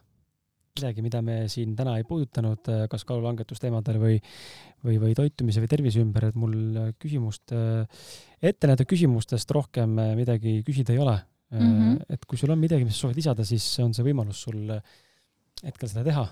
Jaa, ma ei tea, ma arvan, et me rääkisime ikkagi olulistest teemadest, et sellest toitumisest üldiselt ja kust nagu abi saada ja sellest, et ega see ülekaal ja rasvumine ei ole ainult see, et ma söön liiga palju ja liigun, liigun vähe, et seal on väga palju muid faktoreid, mis võivad seda nagu mõjutada ja seda kaalu langetamist on ju raskendada. Äh, ja kuna seal on nii palju faktoreid, siis ei olegi ainult niimoodi, et üks kindel asi lahendab, on ju, kõikide inimeste probleemid, mis sagedasti võib-olla meediast jääb mulje, on ju, et see dieet kõikidel langetab kaalu. jah, ja rääkisime ka sellest, et miks need kiired kaalulangetused ei ole niivõrd nagu kasulikud ja ikkagi niisugused püsivad muutused elustiilis on nagu palju-palju olulisemad, et tähtis on pigem nagu aeglased sõuad ja kaugele jõuad, eks ole Äh, kus sind leida võib, kui inimene tunneb, et äh, tahab nüüd äh, sinuga vestlema tulla või, või sind jälgima hakata rohkem, siis kus sind leida võib? kaalulangetuskliinik.ee, et see on see nii-öelda keskkond, kus ma opereerid? opereerin, jah, just okei okay., kuule, aga väga vahva. väga tore, jaa. väga lahe oli vestelda.